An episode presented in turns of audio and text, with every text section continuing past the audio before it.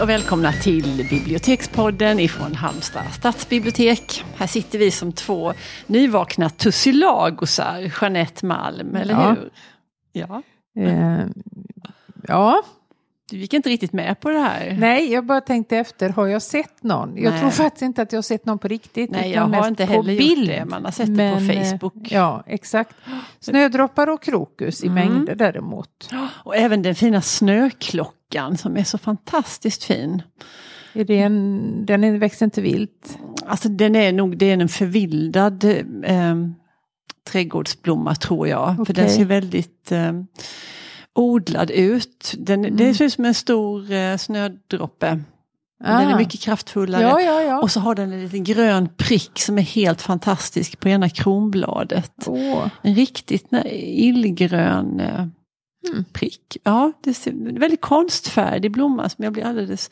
Och den kan uthärda allting så vitt jag förstår. För Mm. Ja, den kommer väldigt tidigt. Ja, ska utkik efter den. mm, gör det. Jag kan kanske ta en bild i eftermiddag och visa. Ja. Jag ska passera några stycken har jag tänkt. Ja. Men du, idag skulle vi inte prata om botanik utan vi ska prata om genier. Ja, Supersmarta människor ja. i litteraturen. Jag tycker det är jättefascinerande Ja, faktiskt. ja jag vet. Mm. Då passar det jättebra att du börjar med den faktarutan. Nu skulle vi Ja. haft en fanfar. Men det har vi Eh, inte. det har vi kanske inte, kanske har vi det, kanske inte. Nej men först, vad är intelligens egentligen? Det är någonting som man bara säger, men som Mm. med allt annat så finns det ju en definition. Som tur är. Och det kommer då av latinets intelligo som betyder att förstå, begripa, inse, avgöra. Och med det menar man då en mental förmåga som är förmågan att utifrån givna grunder avsiktligt utveckla sitt tänkande. Mm. Ja, är det det vi gör? Avsiktligt utveckla sitt tänkande. Ja. Mm. Och det finns också eh, olika typer av intelligens. Mm. De mest kända det var en professor, eh, amerikan tror jag, som heter Gardner som stipulerade de här sju olika intelligenserna. Mm. Och lingvistisk intelligens, det har ju med språket att göra, det hör man. Förmågan liksom att retoriskt använda språket så effektivt som möjligt. Sen är det den logisk matematiska intelligensen. Mm. Du har inte den väldigt högt i kurs liksom? Jo, särskilt i intelligenstester Ja, eh, så är det ju nästan uteslutande den som mäts. Och eh, det har nog att göra med alltså, de här fysikerna och matematikerna och Hawking och Einstein och så. Att de alltså briljerar ju på den. Mm. Därför tycker jag det är lite befriande att det inte bara är det som räknas. Nej. För, Nej, det är det ju inte, men fortfarande så står det väldigt högt Ja. i kurs på något sätt, Ja, den ja. begåvningen. Ja. Det är lite finare att vara och har du riktigt- den begåvningen så är du ju eh, liksom har du ju en gräddfil in på ett väldigt välavlönat jobb. För det är ju Mm. sånt som liksom premieras i Ja. samhället. Ja. Att kunna räkna ut saker och konstruera. Mm. Men sen har vi också musikalisk intelligens. Mm. Vi har kroppslig kine, kinestetisk Mm. intelligens. Och det är att Ja. man använder kroppen för att lösa problem. problem. Mhm. Och det tänker jag liksom det är akrobater och lindansare och Ja. sådana. De måste ju ha en hög kroppslig intelligens. Ja. Sen är det den spatiala intelligensen. Oj. det är förmågan att tänka, i bilder. Mm. Har det med lokalsinne och sånt att göra? Det skulle jag nog kunna tänka Ja. mig. En kombination av den och den logisk-matematiska. Att man kan se, att du vet vilket väderstreck och sånt där helt obegripligt som folk säger. Ja, det är västerut. Mm, vet mm. väl inte jag. ja, jag vet det här för att jag vet vad liksom, för att jag har lärt mig det. Men det är Ja. inte någonting som jag vet om i en främmande Du tänker stad. inte solen står snett sådär och du Eh, borde nej. det vara. Nej. Gör du det? Jag har rest med en väninna som på något vis fick mig att tänka så, för hon var ju fantastisk på det. det? Ja men kolla nu ska vi gå österut. Jag bara, va? Ja men det fattar du väl, för solen står så och nu är vi här. Och, Gud, Ja. Och det gäller över hela världen. Även Yes. down under. ja, det har jag ju då inte varit. Nej. Men eh, ja, Se där. se där. Mm. Sen är det den interpersonella intelligensen och det är förmågan att förstå andra och Ja. deras avsikter, även det outtalade. Men det är det som kallades för EQ för några år ja, sedan. det kan man nog säga. Ja. Det var ju väldigt i ropet. Ja, det var väldigt, ja. Och sist då den intrapersonella intelligensen och det är förmågan att förstå sig själv. Ja, Eh, och kunna liksom dra slutsatser vad ens handlande, liksom, Mm. vad, vad man har för bevekelsegrunder Ja, för ja. vad man gör. där kan ju ingen slå en på fingrarna i alla fall. Jo, det finns Jo. väl massor med människor som inte har ett dugg Fast de kanske självkännedom. själva tycker att de har en hög ja, intrapersonell. Men det är nog mer förljugen. Jag tror inte att de liksom avtäcker de verkliga. Utan det är väl mer att de har... Nej, men jag tänkte det lät nästan som att i sig själv så Alltså intrapersonell intelligens, förmåga att förstå sig själv. Ja. Alltså även om man är ute på irrvägar där så kan man ju ändå hävda att, Ja. att det här vet jag ju bäst för det handlar ju om Men själv. tror inte att du besitter den här intelligensen. Utan enligt Gardner. Utan för Nej. att göra det så måste du nog verkligen, även när du är helt irrationell, alltså faktiskt kunna analysera. men det. varför gjorde jag så här? Ja, jo, nej, men- för att och för att och för att. Ja, men jag fattar, jag skojade lite för det Du lät som en, skojade. att det Komma här var... och skoja med så här allvarliga saker. Ja, ja. Nej men det, jag tycker det är lite Mm. upplivande. ja ändå. men absolut. Mm. Men du, nu har jag då tagit mig an Alan Turing. För Ja. han var ju ett sånt där känt geni och Ja. underbarn. Och jag läste någon sån fantastiskt rörande historia om honom. Han föddes i England 1912. Och alla fattade på en gång att här har vi en smart liten kille Ja. redan i kindergarten eller vad det Okej. kan ha hetat. Ehm, så såg hans förskollärare eller vad det kan ha hetat då, att det här var en, en smart grabb. Läste han New York Times när han var ett och ett halvt? Ja, det gjorde han, för de hade nog inte New York Times där i den lilla Nej. byn där han bodde. Men när han var 14 så skulle, gjorde de i alla fall en satsning, för då skulle han börja i en skola i Dorset som var ganska långt ifrån där han bodde. Första skoldagen och vad händer då? Värsta oturen. För då sammanfaller det här med en jättestor generalstrejk i hela England. Så han kan inte komma till skolan och det hade väl flaggats lite för det här innan. Du, han var så besluten att han skulle han skulle till skolan på denna dag så han cyklade 9,5 kilometer från Southampton där han bodde. Och på vägen fick han övernatta på ett värdshus. Inte ens, han kunde inte cykla 9 mil. 9,5 mil på en dag. Så han fick Jaha, jag övernatta tyckte du på sa vägen. 9,5 kilometer. Nej, nej, var nej, nio 9,5, mil. nej, nej, nej, nej, nej, Men 95. släppte föräldrarna iväg den här kilometer. sexåringen nio Ja, mil men då på var han cykel? inte 16 Jeanette, han var 14 då när han började Ja, på denna. Det var en förlåt. fortsättningsskola. Men han var ju inte så gammal ändå, det var Nej. ju väldigt långt. Det är ju som att cykla härifrån till Jönköping Ja, typ. ja. Eh, och han fick bo på ett värdshus på vägen. Och detta blev så eh, omtalat så det skrevs om det i de lokala tidningarna om denna målmedvetna gosse som Ja. skulle till skolan till varje pris. Eh, ja, så småningom så, så det gick ju bra för honom och han, eh, han är ju känd och omskriven för att han eh, han knäckte ju en, under andra världskriget så knäckte han tyskarnas kod. Ehm, Var det den som hette Enigma? Enigma, ja det var till och med, de kallade det för Enigma-skiffret. Ja. Och det var ju hans förtjänst att Men engelsmännen det, visst var det kunde- så att han inte fick erkännande för det Nej. förrän efter sin död? Nej, ungefär? och varför fick han inte det? Jo, för han var homosexuell. Ja. Och det var ju kriminellt långt fram i tiden. Ja. Ehm, och mm, det var faktiskt någon som tjallade på honom där. Så han 1952 så avslöjades dessa, Mm. Eh, det faktum att han var homosexuell och han åtalades. Eh, och då så kunde han välja mellan att bli inburad eller att behandlas då med kemiska medel. Som skulle råda bot för det här, ja, Ja. kemisk kastrering. Ett, ehm, som han då gick med på.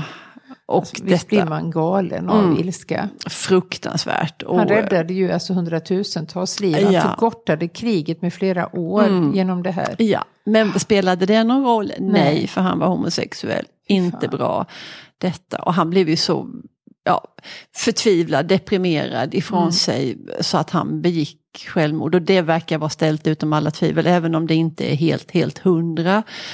Eh, jag tror att hans mamma tillhörde någon av dem som förnekade att det var självmord. Han, han, I alla fall så åt han av ett, ett äpple som var eh, förgiftat faktiskt. Mm. Som, som var injicerat med cyanid det här mm. äpplet och mm. alla tror ju att det var han själv som Mm. Det står så här, äpplet testades aldrig men att dödsorsaken var cyanidförgiftning konstaterades. Um, ja, det, det, kunde också, hans mamma, jo men hon sa det att um, hon menade att det var en olyckshändelse som orsakades av hans oförsiktiga förvaring av kemikalier. Uh, det kan också, vissa hävdar också att det kan ha varit ett mord. Mm. Uh, Men det är ju ställt ja. utom allt tvivel att han var ju fruktansvärt illa behandlad och ja. olycklig såklart. Ja. Men de, de han har också nu i efterhand, men det är ju så dags. Eh, eh, I Storbritannien så håller de på att förbereda för nya 50 punds sedlar som ska börja användas 2021 och de sedlarna ska han få pryda med sitt, ja. sitt det är eh, verkligen klientel. Ja, och han har också, de har också bett om ursäkt i efterhand på flera olika andra sätt. Men det, ja. David Lagerkrans, vår kompis som har varit med i podden, mm. han har skrivit en bok som heter Syndafall i Wilmslow. Som handlar om Alan Turing. Jättespännande liv hade han ju. Ja, och, eh, verkligen. Det är ju som gjort för och det är också filmer som är gjorda mm. på detta. Det har ju så många ingredienser. Ja, krig och skiffer. Och... Ja, olycka ja. och eh, död för egen hand. Ja. Mm. Uh, mm.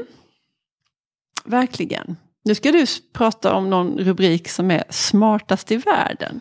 Yes, eh, det är Linda Leopold heter hon, som har skrivit en bok om IQ-sällskapen från insidan. Mm. För det är ju så att det finns ju ett antal sätt att mäta intelligens. Och för de som klarar de här svåra testen mm. så finns det olika sällskap. Och ja, det, det som hört. är mest känt, mm. tror jag i alla fall här i Sverige, det är ju Mensa-testet. Mm. Och det har vi till och med ibland här på biblioteket. Mm. Att de, eh, föreningen hyr in sig och folk kommer och ah, frågar ja. efter vilket rum de ska. Ah, okay. eh, så då får de begå tester och det ah. är väldigt, väldigt svårt att komma in där. Ah. Jag tror du måste ha en IQ på över 130 eller någonting sånt. Mm. Eller om det är ännu högre, det ska jag, har inte kollat upp. Eh, men det i sammanhanget som hon beskriver i den här boken så är ju Mensa liksom förskoleklass i jämförelse med de allra svåraste. Okej. Okay. För då är det ett som heter One in a million IQ-test. Mm -hmm. eh, och det är ja, en på miljonen då som kan genomföras. Inte ens de smartaste av de smarta klarar det. Det är helt det bygger bara på, alltså du kan inte räkna ut svaren, du kan inte använda några färdigheter eller formler utan du måste verkligen tänka dig fram och använda mm. alla de här typ, olika typerna av intelligens. Men sen gör hon också en kartläggning av hur har det gått, för man tror ju att är man så jättesmart mm. Gräddfil. Så har man gräddfil in mm. de fina jobben. Men det är nästan inte alls sant. I en del fall är det sant. Men mm. i många, många fall så är det så att de här människorna har kanske nioårig skolgång, möjligtvis gymnasiet och inte mer. För att? För att de har inte, eh, deras förmåga har inte kunnat hanterats av skolan. Mm.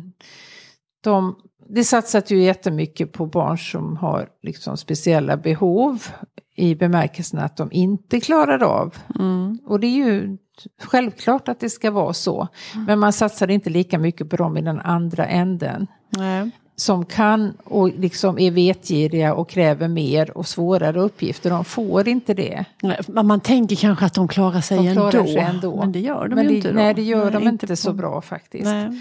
Eh, så de kommer ju till skolan ungefär som Alan Turing cyklar nio mil och mm. tror att här ska vi få liksom äntligen mm. någonting att bita i. Och så är det inte så, utan de sitter av de här åren. Eh, och det är ju jättesorgligt. Och det är ju en av de frågorna som faktiskt Mensa jobbar väldigt aktivt med. Mm. Att få skolväsendet att förstå att det här är ett problem. Mm. Och att man måste ge dem uppgifter utifrån deras förmåga. Ja. Och jag kan tänka det där, jag tycker det är så himla mossigt att man tror att alla sjuåringar är på exakt mm. samma nivå. Mm. Det, det, så är det ju inte. Nej, Varför ska man hela tiden indelas efter ålder? Det Nej. hade varit mycket bättre om du befann dig på den liksom, intellektuella Det där är ju en Finlandsfärja att vända alltså. Ja, det är det. Och börja tänka på Men man tänker också att det skulle ju kunna gagna så många mer och gagna hela samhället. Om man Ja. nu är intresserad av så här pekuniära vinster av saker så skulle det väl vara att använda Ja. att de här människorna fick komma till sin rätt och användas. Ja, och framförallt utifrån. för deras egen skull Ja, också. inte För att minst. jag tycker Mm. det, och de har haft så svårt att få förståelse för det här Mm. också. För man, man menar det här, ja men det är ju ett lyxproblem, du är för smart för skolan. Ja. Tänk på de som är för dumma Ja. för skolan. Ja. Men eh, det behöver faktiskt inte vara enklare. Nej. Vilket hon visar. Men Mm. alltså hon, hon belyser det här med att vara riktigt, riktigt smart. Hur är det? Och hon är med. På Hon är, hon är en av hon, dem. det börjar med att hon själv gjorde ett, ett test och visade sig att hon hade jättehög IQ. Och det hade hon väl misstänkt såklart, men eh, nu fick hon bevis för det. Så hon gick med i Mensa och sen har hon liksom åkt världen runt och, och pratat med olika företrädare för de här sällskapen. Ja, Ja. Men du, då ska jag prata om en annan smart person och det är Nikolaj Grosny. Ja, Ja, den den killen killen. Eh, Det är en, han är från Bulgarien och han har skrivit inte så många böcker, två böcker, en översatt på svenska. Och trots den tysk, det tyskklingande namnet Wunderkind så är den översatt då, som sagt. Den handlar om en, en 16-årig kille som heter Konstantin och han är ett musikaliskt geni. Därav själva Wunderkind-rubriken där. Eh, han spelar piano sällsynt bra, detta upptäcks tidigt och han hamnar på någonting som i Sofia där heter Musikskolan för begåvade barn. Det är inga, inga omskrivningar. Eh, du, jag ska säga det, att för att kanske liva upp dig och även mig själv lite extra, att Patti Smith gillar den här boken jättemycket. Det är en av hennes favoritböcker. Jaha, se Mm. Ja, men då måste den ju vara bra. Ja men det är, det är den. Du kan lita även på mig i denna sak. Den är jätteintressant. Han går på den här musikskolan för begåvade barn. Och där är det, det är väldigt det är strängt och det är hierarkiskt och det är hot och straff och repressalier. Som hela tiden liksom hotar eh, att han kan ju bli avstängd helt enkelt för Mm. ganska små försyndelser. Och man kan, det ju, ligger ju inte så långt bort att tänka på hela det här totalis, totalitära samhället som Bulgarien var. Det här är, utspelar sig på 80-talet. Det var några år Mm. Det handlar lika mycket om liksom, systemet som Ja, om det, individen. och det kan man liksom läsa in lite själv Ja. som man vill. För explicit så handlar det ju om den här stränga skolan och hur Mm. han, Konstantin, han har så fruktansvärt svårt att, att böja sig för de här reglerna. Han tycker Mm. de är helt bisarra och det är nästan så att det, spår, det sporrar honom att tänja på gränserna så Ja. mycket det bara går. Ehm, det är sex och det är sprit och det, han röker och ja, så där. Och samtidigt så är han ju ett geni där. Ehm, Och, men, och det här systemet och det blir ju sådär att det är de mediokra som premieras. Mm, Det är de som mm. inte håller på som han gör. Då är han kanske tio gånger bättre än dem. Men de är lydiga. Mm. Och det är det viktigaste. Där. Ehm, och han är, boken är också, man fattar ju att, att han, på något vis är den också självbiografisk. För han, författaren Nikolaj Grosny, han har också gått på någon sån här elitskola. Han är otroligt intresserad av musik. Och jag tänkte jag skulle läsa ett litet stycke högt. Mm. Eh, han har en vän som heter Vad, Vadim.